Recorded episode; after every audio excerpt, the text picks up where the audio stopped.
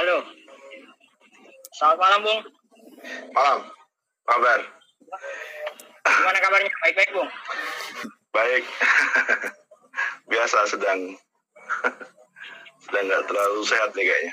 Tapi oke lah. Gimana, Bung?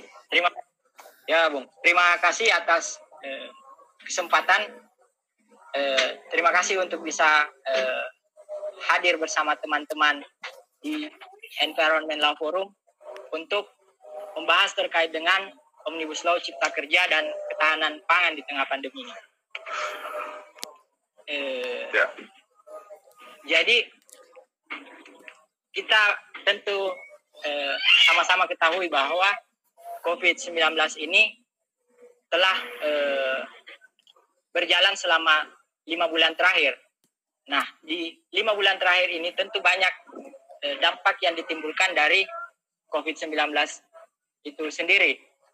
Nah, ketahanan pangan adalah salah satu yang eh, menjadi eh, eh, hal yang paling mendasar yang harus dipenuhi oleh pemerintah. Nah, sebelum kita eh, memasuki eh, diskusi kita pada malam hari ini, izinkan saya Bung untuk eh, memperkenalkan dulu CV-nya ya Bung. Silakan, silakan. Aduh. Eh, jadi eh, kita sama-sama ketahui bahwa eh, yang bergabung dengan kita untuk berdiskusi pada malam hari ini adalah Bung Dandi Dwi Laksono yang sudah eh, sudah malang melintang di dunia jurnalisme di tanah air. Awal mula membangun karir eh, current job di Watchdog Production House, video journalist and documentary. Yang kedua adalah writer dan and freelance editor. Ketiga, eh, yang ketiga adalah trainee and journalist lecture. Eh, tergabung di Aliansi Jurnalis Independen sebagai Broadcast and New Media Division. Dan yang kedua adalah sebagai eh, salah satu advokat ya bang. Salah satu apa? Eh, anggota press up. Eh, sebagai jurnalisme di LBH Pers. Beliau sudah eh, membuat berbagai macam film dokumenter yang dari bab yang hilang Kompas Gramedia Landscape Landscape Bloomberg TV Indonesia Ekonomi dokumenter dengan 26 episode. Dan banyak lagi kalau saya bacakan ini waktu bisa habis bu. Kalau kita bacakan semua CV-nya jadi saya singkat saja. Nah kita tahu juga eh, kita tahu juga Bung eh, ini melakukan perjalanan ekspedisi Indonesia Biru di tahun 2015 kemarin dan tentu mengetahui apa Bung eh, mengetahui beragam eh, beragam kehidupan keberagaman masyarakat Indonesia yang saat ini eh, tengah di, be- diberikan tantangan untuk bagaimana bisa bertahan di tengah COVID-19 ini. Nah, untuk mengefisienkan waktu, saya langsung saja memberikan kesempatan kepada Bung untuk eh, berdiskusi pada malam hari ini. Nah, kira-kira bagaimana menurut eh, Bung tentang eh, kebijakan pemerintah dalam hal pemenuhan pangan di tengah pandemi COVID-19 ini? Ya, jelas pertama eh, pemerintah tidak punya persiapan dan banyak negara juga tidak punya persiapan untuk menghadapi pandemi, terutama dari sektor eh, pangan. Tetapi yang membedakan adalah apakah negara itu memiliki desain dasar eh, bisa memenuhi kebutuhan pangannya di tengah kondisi seperti ini. Apakah pangannya eh, bisa di bisa dipasok oleh kekuatan mereka sendiri dalam kondisi seperti ini gitu ya. Uh, kita tidak usah bicara lintas apa kita dalam konsep negara dulu kita tidak perlu bicara konsep negara apa uh, skala negara begitu. Tapi mari kita lihat misalnya di skala uh, provinsi masing-masing begitu ya. Ini pemerintah-pemerintah yang punya sawah, pemerintah daerah yang punya sawah sudah mulai uh, memikirkan mengamankan lumbung-lumbung mereka dulu sebelum mengirimkan kepada daerah daerah-daerah lain gitu ya. Uh, kawan dari Ternate cerita bahwa uh, pasokan uh, sembako uh, dari mana namanya uh, Manado begitu itu sudah mulai berkurang karena memang banyak banyak daerah-daerah lumbung yang mulai mengamankan pangannya dulu sebelum uh, mengirim ke tempat lain begitu. Jadi warga Maluku Utara yang sebenarnya dulu punya sejarah pangan yang beragam, gitu, tapi karena sudah lama uh, kena politik beras oleh Jawa, mereka tergantung dengan pasokan uh, beras, maka semua hampir semua bahan pangannya kemudian didatangkan dari luar, gitu. Nah, uh, ini salah satu wajah di banyak daerah yang yang mengalami persoalan seperti ini begitu.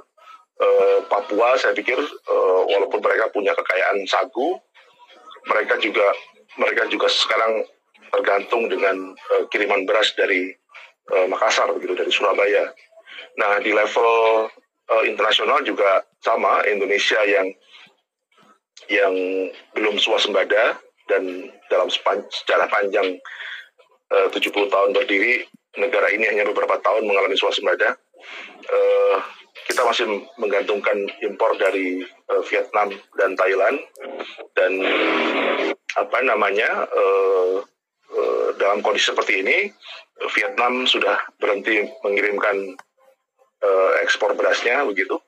Dia sudah mengamankan cadangan beras nasionalnya sendiri sekitar 230 ribu ton dan 80 ribu ton tambahan. Sementara Thailand sudah uh, praktis menaikkan harga uh, berasnya sampai 100 persen. Sehingga ini juga bukan pilihan yang yang yang baik. Jadi mungkin alur ekspor impornya masih masih ada karena perdagangan bahan pangan dan segala macam masih di, dimungkinkan. Demikian juga perdagangan bahan pangan antar pulau. Tetapi uh, barang barangnya juga uh, menjadi persoalan begitu ya. Karena setiap orang hari ini mengamankan uh, bahan pangannya begitu. Jadi dan kemudian uh, kemarin kita lihat Presiden Jokowi memberi melontarkan pernyataan agar BUMN cepat-cepat mencetak sawah gitu. Jadi ini juga uh, persoalan yang lain karena sawah tidak mungkin cepat dicetak seperti jalan tol atau bandara. Saya percaya jauh lebih cepat mencetak jalan tol atau bandara daripada mencetak sawah uh, apa namanya itu baru baru secara fisik gitu ya. Uh, belum lagi secara secara sosial men menyiapkan tenaga kerjanya. Walaupun hari ini uh, sawah sudah bisa mekanis begitu. Bahkan klaimnya sawah tekno seperti yang di Merauke itu uh, konon satu hektar sudah membutuhkan satu tenaga kerja saja selebihnya sudah dengan mesin gitu. Tapi ya belum terbukti gitu ya. Belum terbukti kita pernah punya sawah tekno dengan satu hektar cukup satu orang tenaga kerja gitu. E, kalaupun itu dilakukan juga konsep yang konsep yang salah kaprah begitu. E, apa namanya e, memperlakukan sawah tekno dalam konteks di mana saat ini e, orang juga butuh pekerjaan begitu.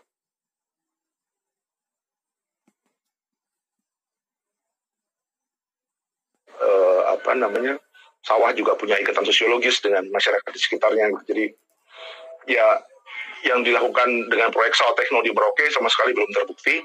Itu sawah sawah milik perusahaan, sawah milik Medco, eh, sekitar 300 hektar di daerah di distrik eh, mana namanya? Saya pernah sana dan melihat. Tapi ya itu yang tadinya akan direncanakan menjadi satu uh, apa namanya relevan dengan ini semua ya sama sekali tidak relevan. Jadi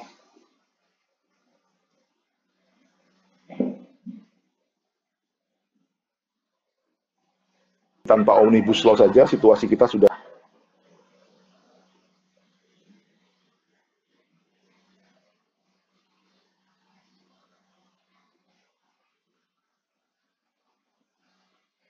uh, omnibus law HGU-nya sampai 90 tahun begitu. Uh, bahkan umur negara saja tidak sampai 90 tahun sudah mengeluarkan belet atau aturan yang pemberlakuan konsesi tanahnya sampai 90 tahun bagi saya eh, masuk akal. Jadi Indonesia saja belum pernah ter, belum terbukti umurnya bisa 90 tahun gitu. ya kan?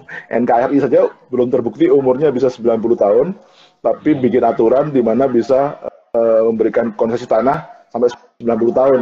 uh, negara lucu-lucuan menurut saya yang membuat aturan-aturan seperti ini dan uh, ya ya pada akhirnya pada akhirnya kita tidak melihat ada ada kesiapan jika ini berkepanjangan uh, uh, kesiapan dalam hal dalam hal pangan ya ketika ini berkepanjangan uh, kita khawatir ada ada ada sesuatu yang serius.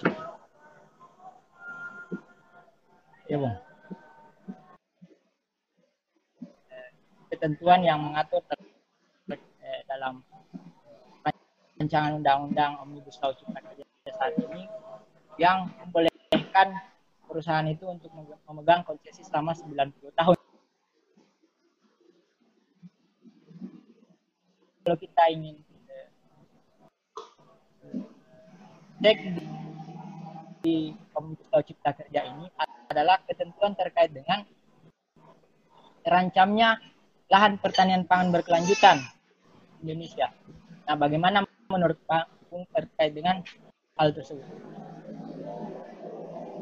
Gimana itu misalnya konsepnya?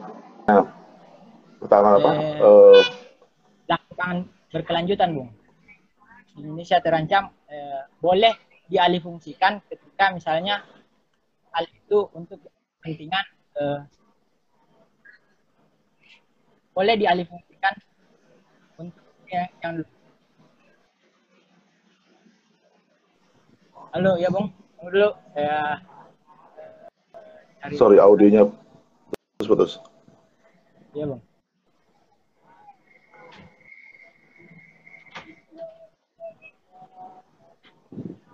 Oke, okay, ya in, Jadi, intinya sih uh, gimana? Ya, Bung. Jadi salah satu ketentuan dalam Omnibus Law Cipta Kerja itu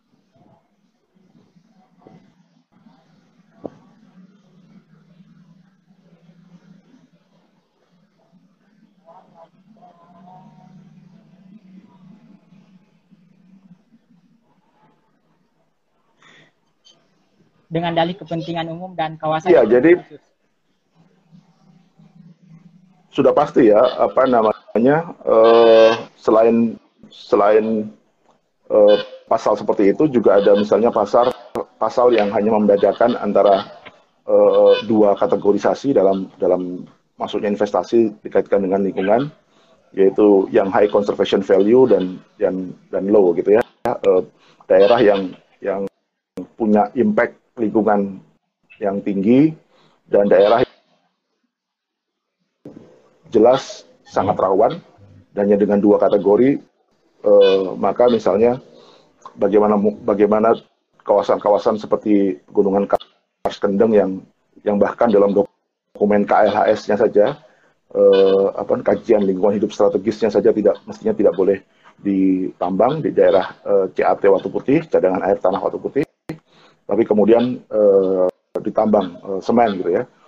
Jadi Anda bisa bayangkan sawah-sawah sawah-sawah kelas A1 begitu uh, bahkan memiliki irigasi, irigasi teknis yang bisa ditangani sepanjang tahun.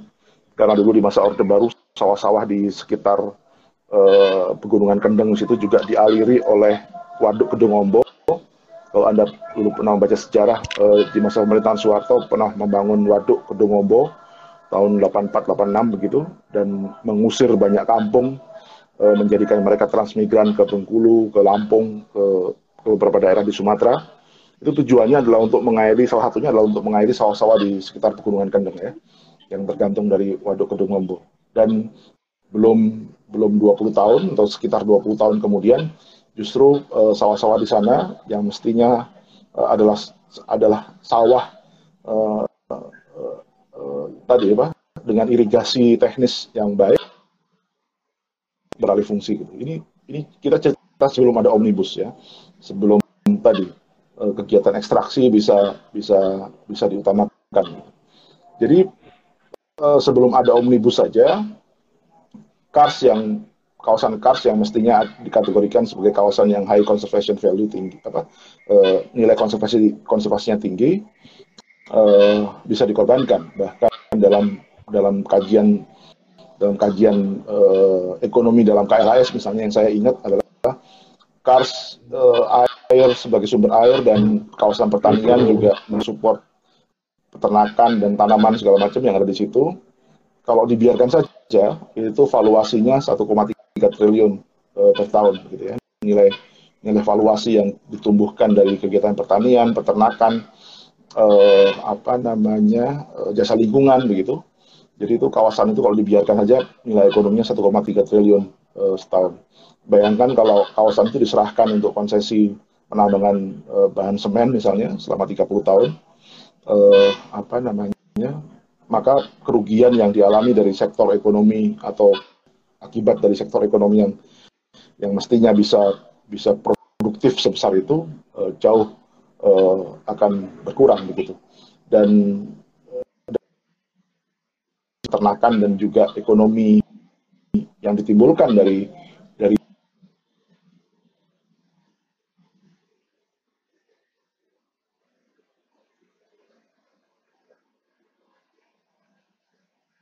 yang itu menurut menurut uh, valuasi yang pernah dibuat oleh kawan-kawan uh, jaringan masyarakat pegunungan Kendeng, satu hektar bisa menghidupi secara langsung sekitar 10 orang. Itu secara langsung. Belum kita bicara snowball efeknya atau uh, bola salju dari ekonomi dari setiap satu hektar itu ada ada penggilingan, ada transportasi begitu ya. Uh, sementara pabrik semen uh, dengan kapasitas 3 juta ton setahun seperti PT Semen Indonesia di Rembang, uh, tenaga kerja yang diserap ketika beroperasi sekitar 600, ketika masa konstruksi sekitar 1000. Ya, jadi jauh sekali gitu ya. E, e, mereka membutuhkan untuk areal pabrik saja mereka membutuhkan sekitar 90 hektar gitu. Kalau 90 hektar itu dibiarkan menjadi menjadi areal pertanian yang dikelola oleh masyarakat, kan sudah 900 orang yang bekerja gitu ya, e, secara langsung. Gitu. Dan dan tadi ya kita belum bicara itu baru bicara misalnya hitung-hitungan tentang tenaga kerja, uh, juga valuasi ekonominya. Kita belum bicara gitu, sekitar 10 juta ton. Dan surplus ini sudah berlangsung sekitar satu dekade gitu, 10 tahun. Jadi kita kehilangan 10 pabrik, saya pernah menghitung, sekitar kita kehilangan sekitar uh, 5-6 pabrik sekelas uh, Rembang saja kita tidak ada masalah gitu. Kehilangan pabrik semen 5 sampai 6 biji gitu sekelas di Rembang itu tidak ada masalah gitu ya. Uh, sementara beras kita justru impor gitu. Jadi paradoks yang besar ketika kita uh, surplus semen, artinya kita swasembada semen, bahkan kita mungkin bisa mengekspor semen, tetapi kita justru mengimpor beras gitu. Nah, dalam kondisi pandemi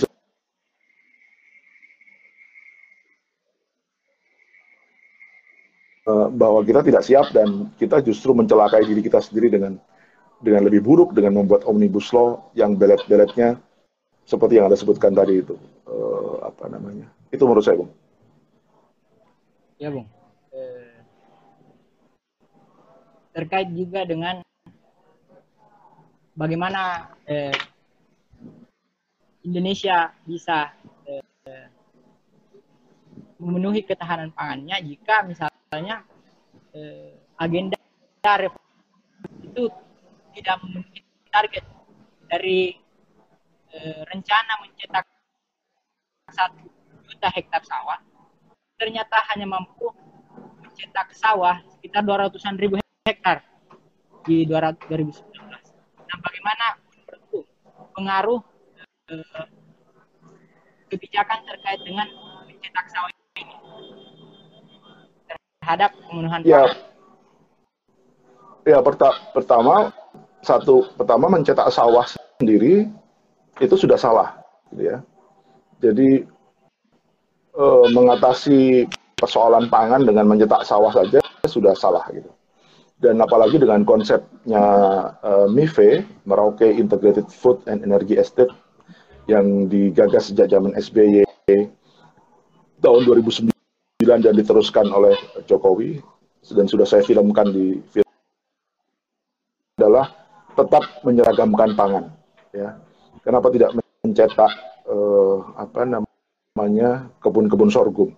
Kenapa tidak mencetak kebun-kebun jagung? Kenapa tidak mencetak eh, eh, dusun-dusun sagu gitu? Kenapa mencetak sawah gitu?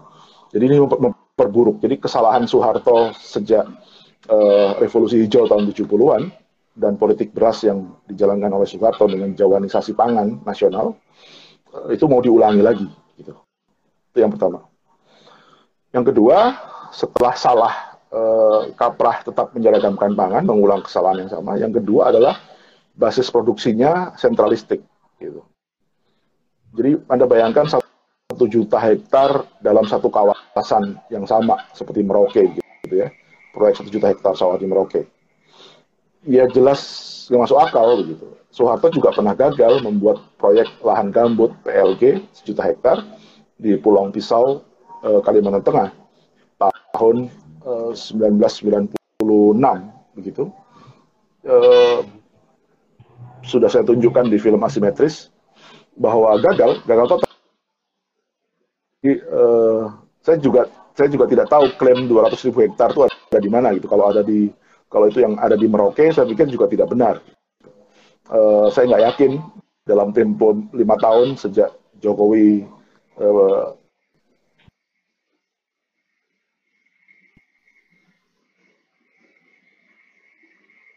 yakin 200 ribu uh, sawah berhasil tercetak gitu ya pertama sudah jelas tergambar uh, uh, apa di di film Mahuse uh, bahwa saluran irigasinya bermasalah gitu. Jadi tidak tidak ada cukup saluran irigasi uh, di Merauke. Menyetak sawah jauh lebih susah daripada bikin jalan tol. Kalau Pak Jokowi mau bikin jalan tol jauh lebih gampang, makanya dia kerjakan. Tapi kalau sus sawah susah. Jadi Belanda mencetak sawah saja di distrik Kurik di Merauke dalam tempo 30 tahun eh sorry, sejak Belanda proyek kurik, sejak Belanda membuat proyek kurik, proyek padi kurik di Merauke eh, tahun 53-an begitu, butuh 50 tahun, butuh 50 tahun untuk punya 46 ribu hektar gitu. Jadi selama 50 tahun saja baru bisa 46 ribu hektar.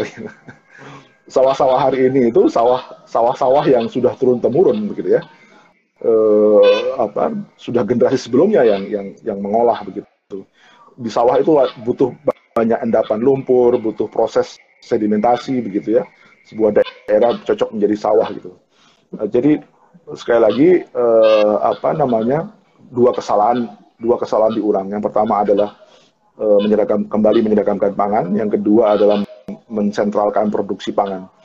Produksi pangan itu seharusnya bukan diproduksi di satu bentangan atau satu kawasan terpusat, apalagi dikelola BUMN dikelola militer itu udah pasti nggak akan nggak akan jadi itu barang gitu kasih contoh saya mana proyek-proyek pangan yang yang dengan skala besar yang, yang sukses dilakukan dikelola oleh negara gitu. Pangan itu ya harus dikelola oleh rakyat sendiri jadi bukan mass production. Ya, uh, semua lumbung pangan kita ini entah itu Sulawesi Selatan entah itu uh, Jawa Barat begitu ya uh, itu atau Jawa Tengah gitu itu semua didesain dari konsep produksi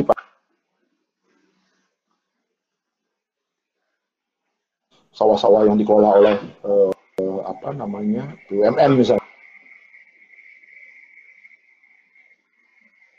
Nah, ini juga logika yang kacau gitu kan.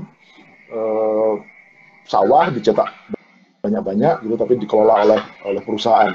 Jadi nanti kita beli beras ke perusahaan. Negara juga tidak punya daya tawar begitu, e, masyarakat juga akan semakin kesulitan gitu. Harusnya pangan ya di, dikelola oleh masyarakat sendiri.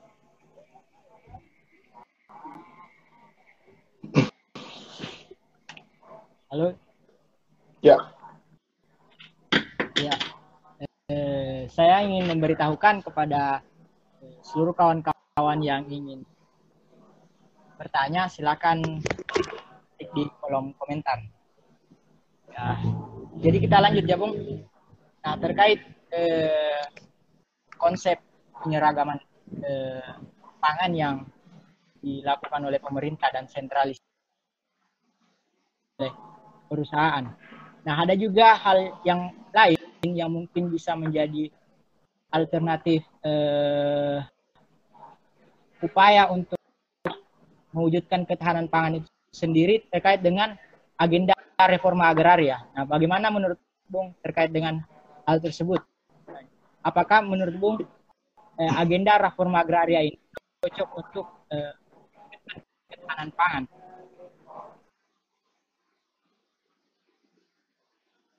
Tahun terakhir di masa pemerintahan Jokowi Ma'ruf uh, atau sebelumnya adalah Jokowi JK uh, nggak nyambung ya. Jadi yang terjadi atau yang terlihat uh, yang digembar-gemborkan adalah bagi-bagi kertas sertifikat gitu ya. Dan apa uh, nggak nggak ada poinnya gitu. Itu itu sudah hak warga itu sudah hak warga negara bahwa mereka uh, apa namanya berhak mendapatkan pelayanan administrasi dalam bentuk uh, sertifikat gitu Eh, nggak uh, ada yang baru. Itu artinya jadi penguasaan penguasaan de facto uh, dilegalkan dan mestinya memang dilegalkan. Tapi yang kedua kemudian eh, tanah-tanah yang sifatnya komunal kemudian menjadi individual begitu.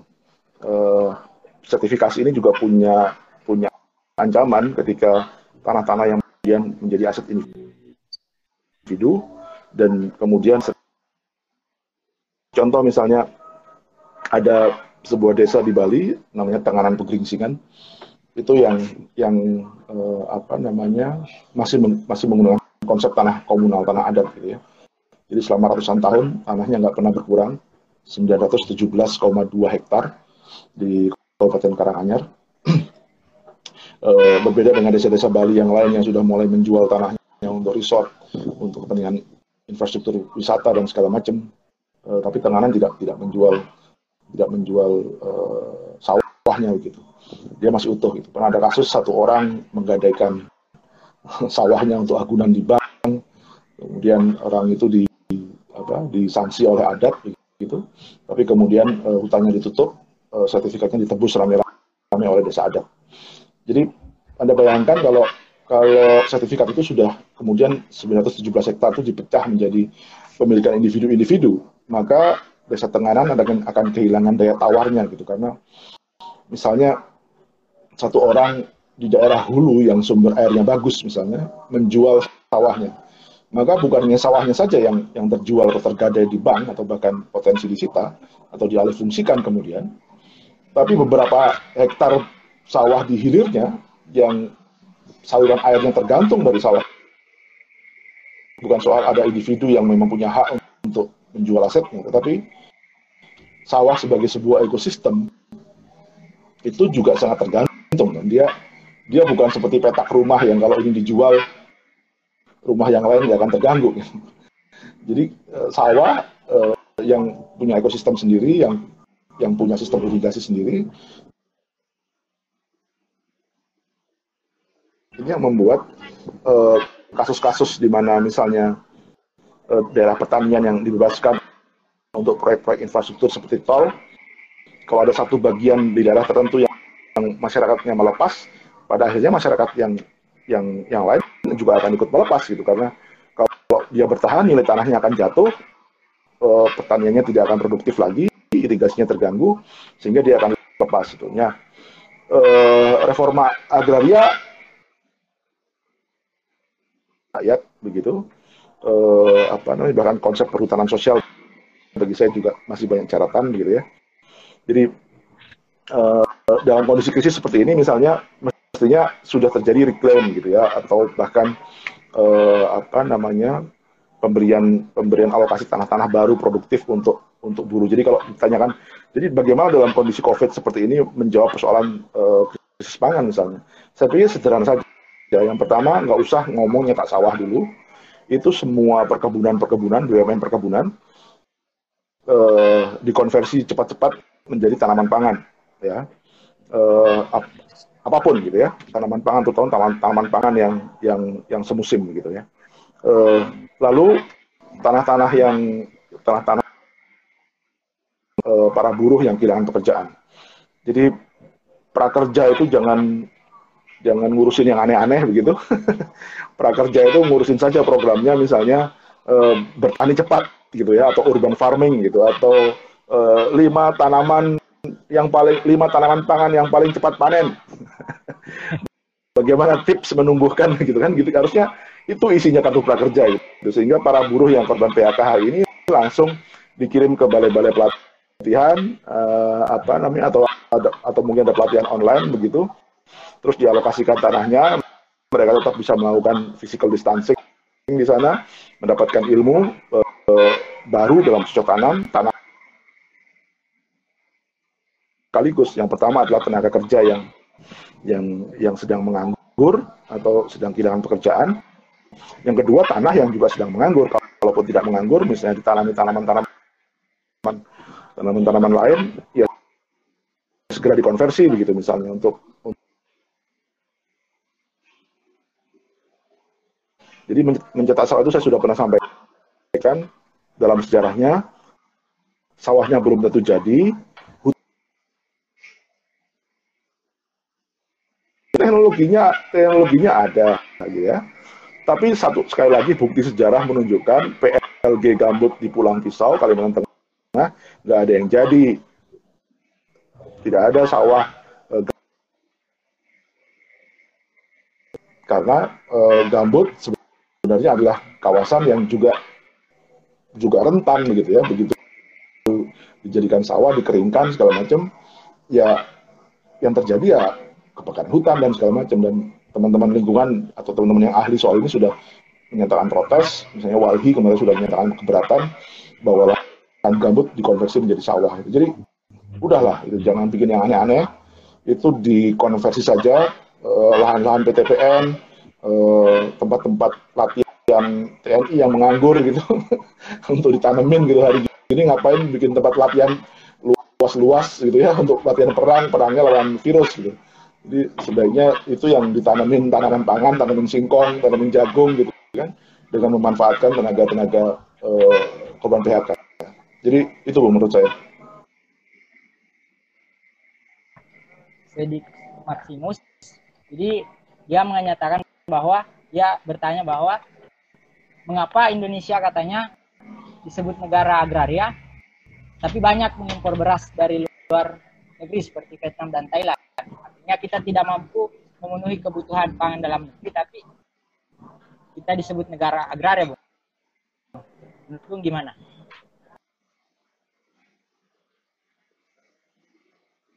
Eh, faktanya ya kita tadi sudah sudah tergantung menurut catatan sensus pertanian 2013 misalnya eh, setiap 10 tahun kita kehilangan 5 juta rumah tangga petani gitu. sektor ini tidak tidak menarik gitu ya eh, saya ketika SD, SMP, SMA tidak dididik, diberikan wawasan bahwa bertani adalah satu pilihan profesi gitu. Saya dijejali, didoktrin e, bahwa sekolah untuk mencapai untuk mencapai menjadi banyak menjadi banyak profesi yang kita sekarang e, sebut sebagai profesi-profesi baru dan modern begitu, tetapi tidak punya wawasan. Sehingga saya dalam pikiran saya tidak pernah ter, terpetik untuk bercita-cita menjadi petani gitu. Jadi mestinya semua profesi disampaikan begitu ya menjadi bagian dari wawasan anak sekolah gitu. Sehingga sekarang makin terdidik makin jauh dari sektor pertanian gitu. Padahal kan paradoks harusnya negara agraris justru menyiapkan tenaga-tenaga terdidik untuk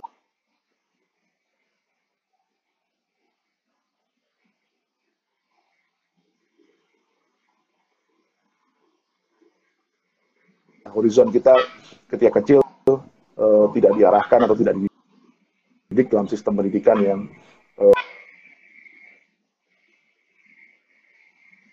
jadi setiap setiap 10 tahun sekali kita kehilangan 5 juta rumah tangga petani dan yang kedua sektor pertanian uh, tidak menarik nilai tukar petani.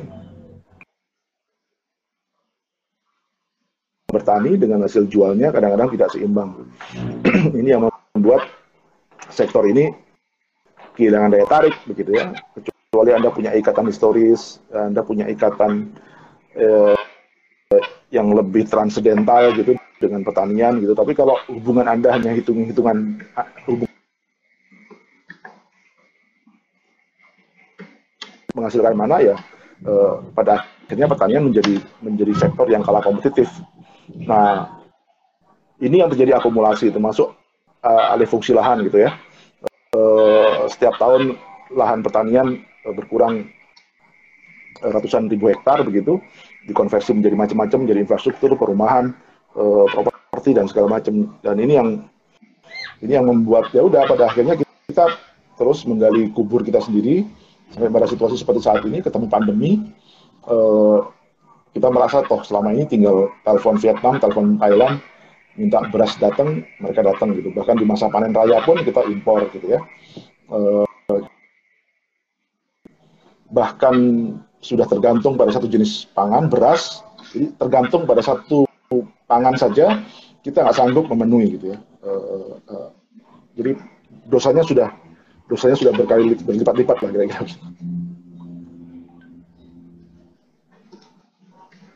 Ya Bung, eh, kembali lagi terkait dengan eh, persoalan ketahanan pangan kita di Indonesia. Kemarin eh, Presiden Jokowi menyampaikan bahwa di beberapa eh, saat ini kita eh, memerintahkan kepada jajarannya untuk menjaga stok pangan Indonesia. Kita tahu juga beberapa eh, pada penyampaiannya pada waktu itu Jokowi memberi kekurangan pangan di beberapa wilayah apa defisit pangan di beberapa eh, wilayah di Indonesia. Nah kita tahu bahwa krisis pangan ini ketika misalnya terjadi krisis pangan ini adalah eh, awal mula untuk bisa menjadi ke krisis-krisis yang lain. Nah kita tahu misalnya kenapa 67 dan 9 98 bisa eh, eh, berganti itu karena salah satu faktornya adalah krisis pangan. Nah, kira-kira dalam apalagi kemarin diberitahukan bahwa stok pangan kita saat ini itu hanya tabung. Apakah di Indonesia akan terjadi krisis pangan ketika melihat eh, saat ini?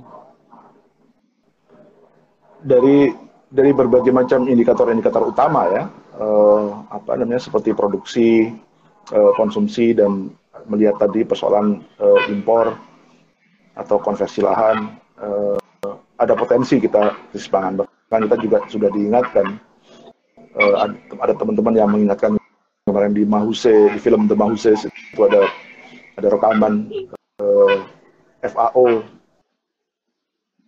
global dan masyarakat adat diminta untuk menyiapkan pangan pangan lokalnya gitu. Masyarakat diminta untuk menyiapkan pangan, pangan lokalnya. Uh, apa namanya jadi potensinya ada. Uh, uh, saya membaca artikel yang ditulis oleh uh, jurnalis Kompas yang menggeluti uh, tentang komoditas ekonomi komoditas dia sudah dia menulis bahwa cadangan pangan cadangan besi atau iron stock gitu ya. Jadi sekitar hanya sekitar 18 hari cadangan cadangan pangannya. Kalau cadangan pangan secara umum bisa dua bulan. Eh, itu dikuasai di banyak apa gudang-gudang swasta atau cadangan beras petani eh, secara umum dua bulan. Tapi yang benar-benar bisa dimobilisasi oleh pemerintah lewat bulog hanya sekitar 18 hari. Uh, tadi ada yang dengan ketahanan mereka yang cadangan pangannya sampai tiga tahun gitu ya untuk 29 ribu orang dengan 8 ribu lumbung walaupun panen hanya setahun sekali gitu. Jadi uh, apa namanya uh, yang yang ya yang dikhawatirkan Jokowi ya yang dikhawatirkan banyak orang selama ini bedanya yang dia lakukan bertentangan dengan apa yang dia khawatirkan gitu. Petani di Kulon Progo digusur untuk bandara, padahal Jogja sudah ada bandara, walaupun kecil dan gak cukup. Boyolali bahkan sudah ada bandara gitu. Jadi dalam rentang perjalanan darat dua jam sudah ada dua bandara gitu, tapi dipaksakan digedein lagi bandaranya begitu kan. Kertajati di Jawa Barat begitu ya, eh, juga menggusur petani dan dan nggak kepake bandaranya sekarang gitu, sepi gitu misalnya. Terus banyak Eh, sawah-sawah di Kutai Kartanegara misalnya Kalimantan Timur ratusan tahun ya, atau butuh puluhan tahun gitu ya, habis oleh tambang dalam hitungan bulan gitu. Saya pikir ini ini yang kontraproduktif gitu. Uh, jadi kalau soal concern sama, concern semua orang sama dengan concern uh, presiden gitu. Bedanya presiden punya kekuasaan untuk melakukan yang yang mestinya menutup kekhawatirannya gitu. Tapi yang dilakukan presiden dalam lima tahun terakhir dan bahkan dalam rencangan omnibus law yang akan uh, uh, digolkan ini justru bertolak belakang dengan khawatirannya. Jadi dia khawatir krisis pangan, tapi desain kebijakannya tidak untuk menyiapkan ketahanan pangan. Ini bagi saya, iya. Ya. Iya, Bung. Nah, eh, salah satu yang menjadi apa eh, permasalahan juga adalah eh, terkait dengan di masa pandemi ini adalah buruh yang menjadi kelompok rentan, Bung. Nah, dari data Tirto kemarin sudah dijelaskan bahwa terjadi eh, PHK terhadap 375 ribu buruh dan 1,4 juta buruh dirumahkan. Nah, bagaimana menurut Bung terkait kebijakan pemerintah terhadap eh, kaum buruh tersebut di tengah pandemi ini? Ya, sama kayak tadi yang saya sampaikan ya, harusnya segera disambungkan dengan persoalan krisis pangan. Jadi eh, apa namanya buruh yang alternatif pengganti nafkahnya lewat jaminan-jaminan sosial yang harus konkret daripada 5 triliun digunakan untuk kursus online lebih baik dibagikan saja kepada buruh yang PHK itu dia dia bisa hidup eh, enam bulan gitu ya uh, apa namanya. Jadi sebanyak mungkin orang yang akan akan dapat gitu ya. Jadi dalam dalam 20 triliun itu 20 triliun program kartu prakerja itu sudah semuanya memang untuk bantuan sembako. 600 ribu bahkan kalau perlu 800 ribu ditambah gitu sehingga sebanyak mungkin orang akan bisa bisa dapat daripada 5 triliunnya 5,6 triliunnya diambil untuk kursus online yang isinya mirip-mirip dengan konten gratis di YouTube. Uh, bahkan ada ada materi mancing online gitu. mancing sejak kapan? sejak kapan ya? Mancing online harganya 800 ribu kursusnya gitu. Seperti itu harganya satu juta. Jadi satu kupon sudah langsung habis untuk satu materi gitu. Uh, ini ngawur banget gitu. Uh, ini kebijakan yang ngawur. Uh, apa namanya? punya potensi punya potensi korup begitu ya tapi lanjutkan gitu dan eh, apa namanya tadi disambungkan yang kedua disambungkan dengan jadi pertama adalah bantuan bantuan cash karena mereka harus tetap hidup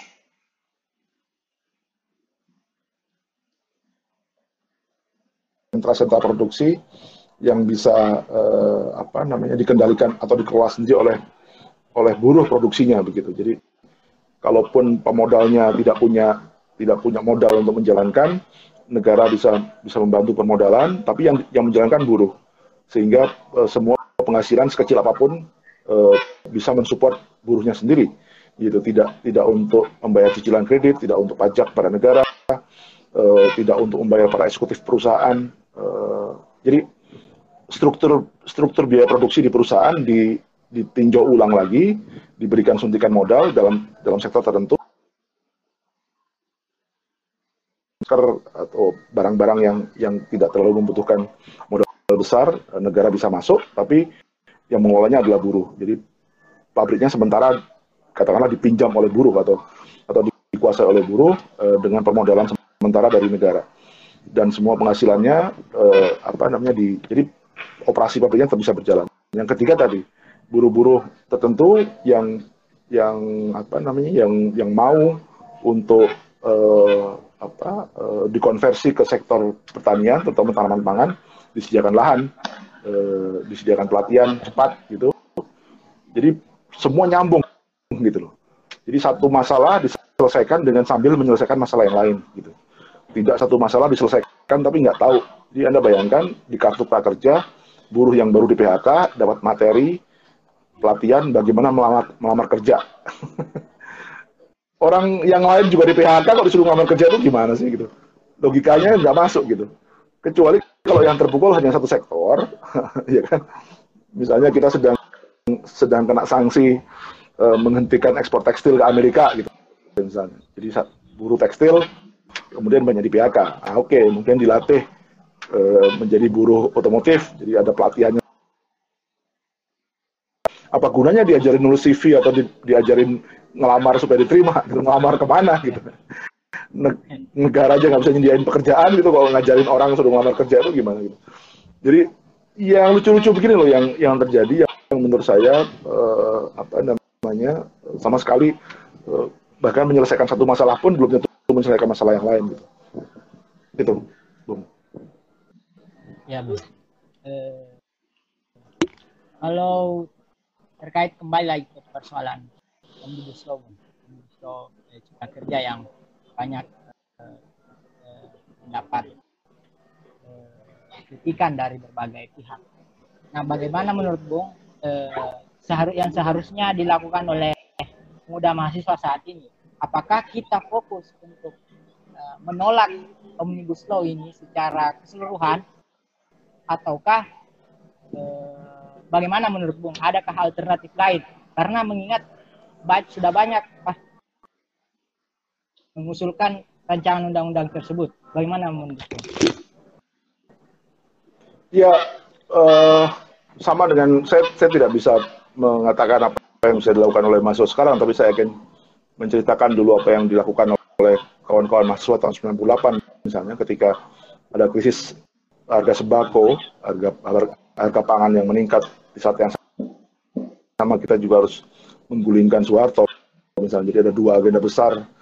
Yang satu adalah persoalan-persoalan real rakyat kembangkan begitu.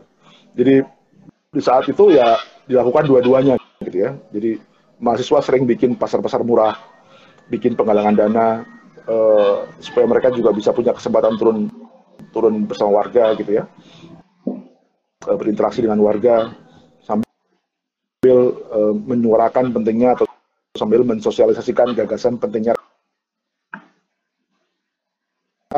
uh, mestinya mestinya segera mencari akarnya di, di masyarakat gitu ya. Uh, uh, apa uh, tidak hanya bisa mengandalkan kampus sebagai sebuah pusat gerakan, tapi juga uh, apa namanya kondisi real di lapangan. Jadi menurut saya ini persis uh, mirip dengan uh, 98 ketika itu situasinya ada krisis ada krisis uh, uh, real krisis ekonomi dan ada krisis kepemimpinan atau krisis uh, legitimasi politik yang menurut saya hari ini juga pemerintah kita menurut saya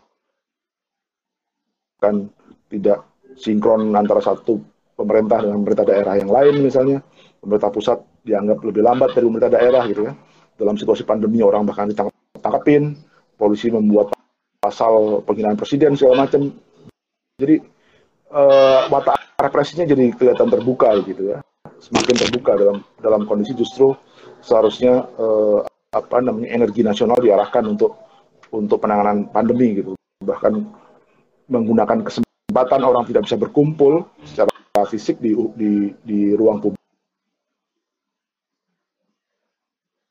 Yang yang menurut saya adalah uh, krisis legitimasi. Jadi pemerintah pemerintah berkuasa tapi tidak tidak punya legitimasi secara moral lagi uh, di hadapan warganya. Ya sama dengan Soeharto ketika itu. Dia juga berkuasa uh, dipilih MPR sah gitu. Tapi legitimasi moralnya sudah sudah rendah gitu ya. Nah e, jadi bagi saya itu e, dua agenda besar ini tantangan zaman. Saya tidak bisa menjawab karena saya bukan mahasiswa. Saya serahkan kepada kawan-kawan mahasiswa. E, bisa nggak e, dua persoalan besar ekonomi real masyarakat dengan persoalan apa namanya krisis politik nasional ini bisa bisa bisa dijalankan gitu ya. Bisa bisa bersamaan gitu ya melakukan pendidikan politik kepada masyarakat sama dengan angkatan 98 dulu sambil bikin pasar murah sambil bikin orasi di depan warga mengatakan bahwa uh, penting kita melakukan reformasi gitu karena uh, apa namanya kekuasaannya sudah semakin otoriter dan segala macam itu bung jadi silakan kawan-kawan mahasiswa merumuskan sendiri agenda gerakannya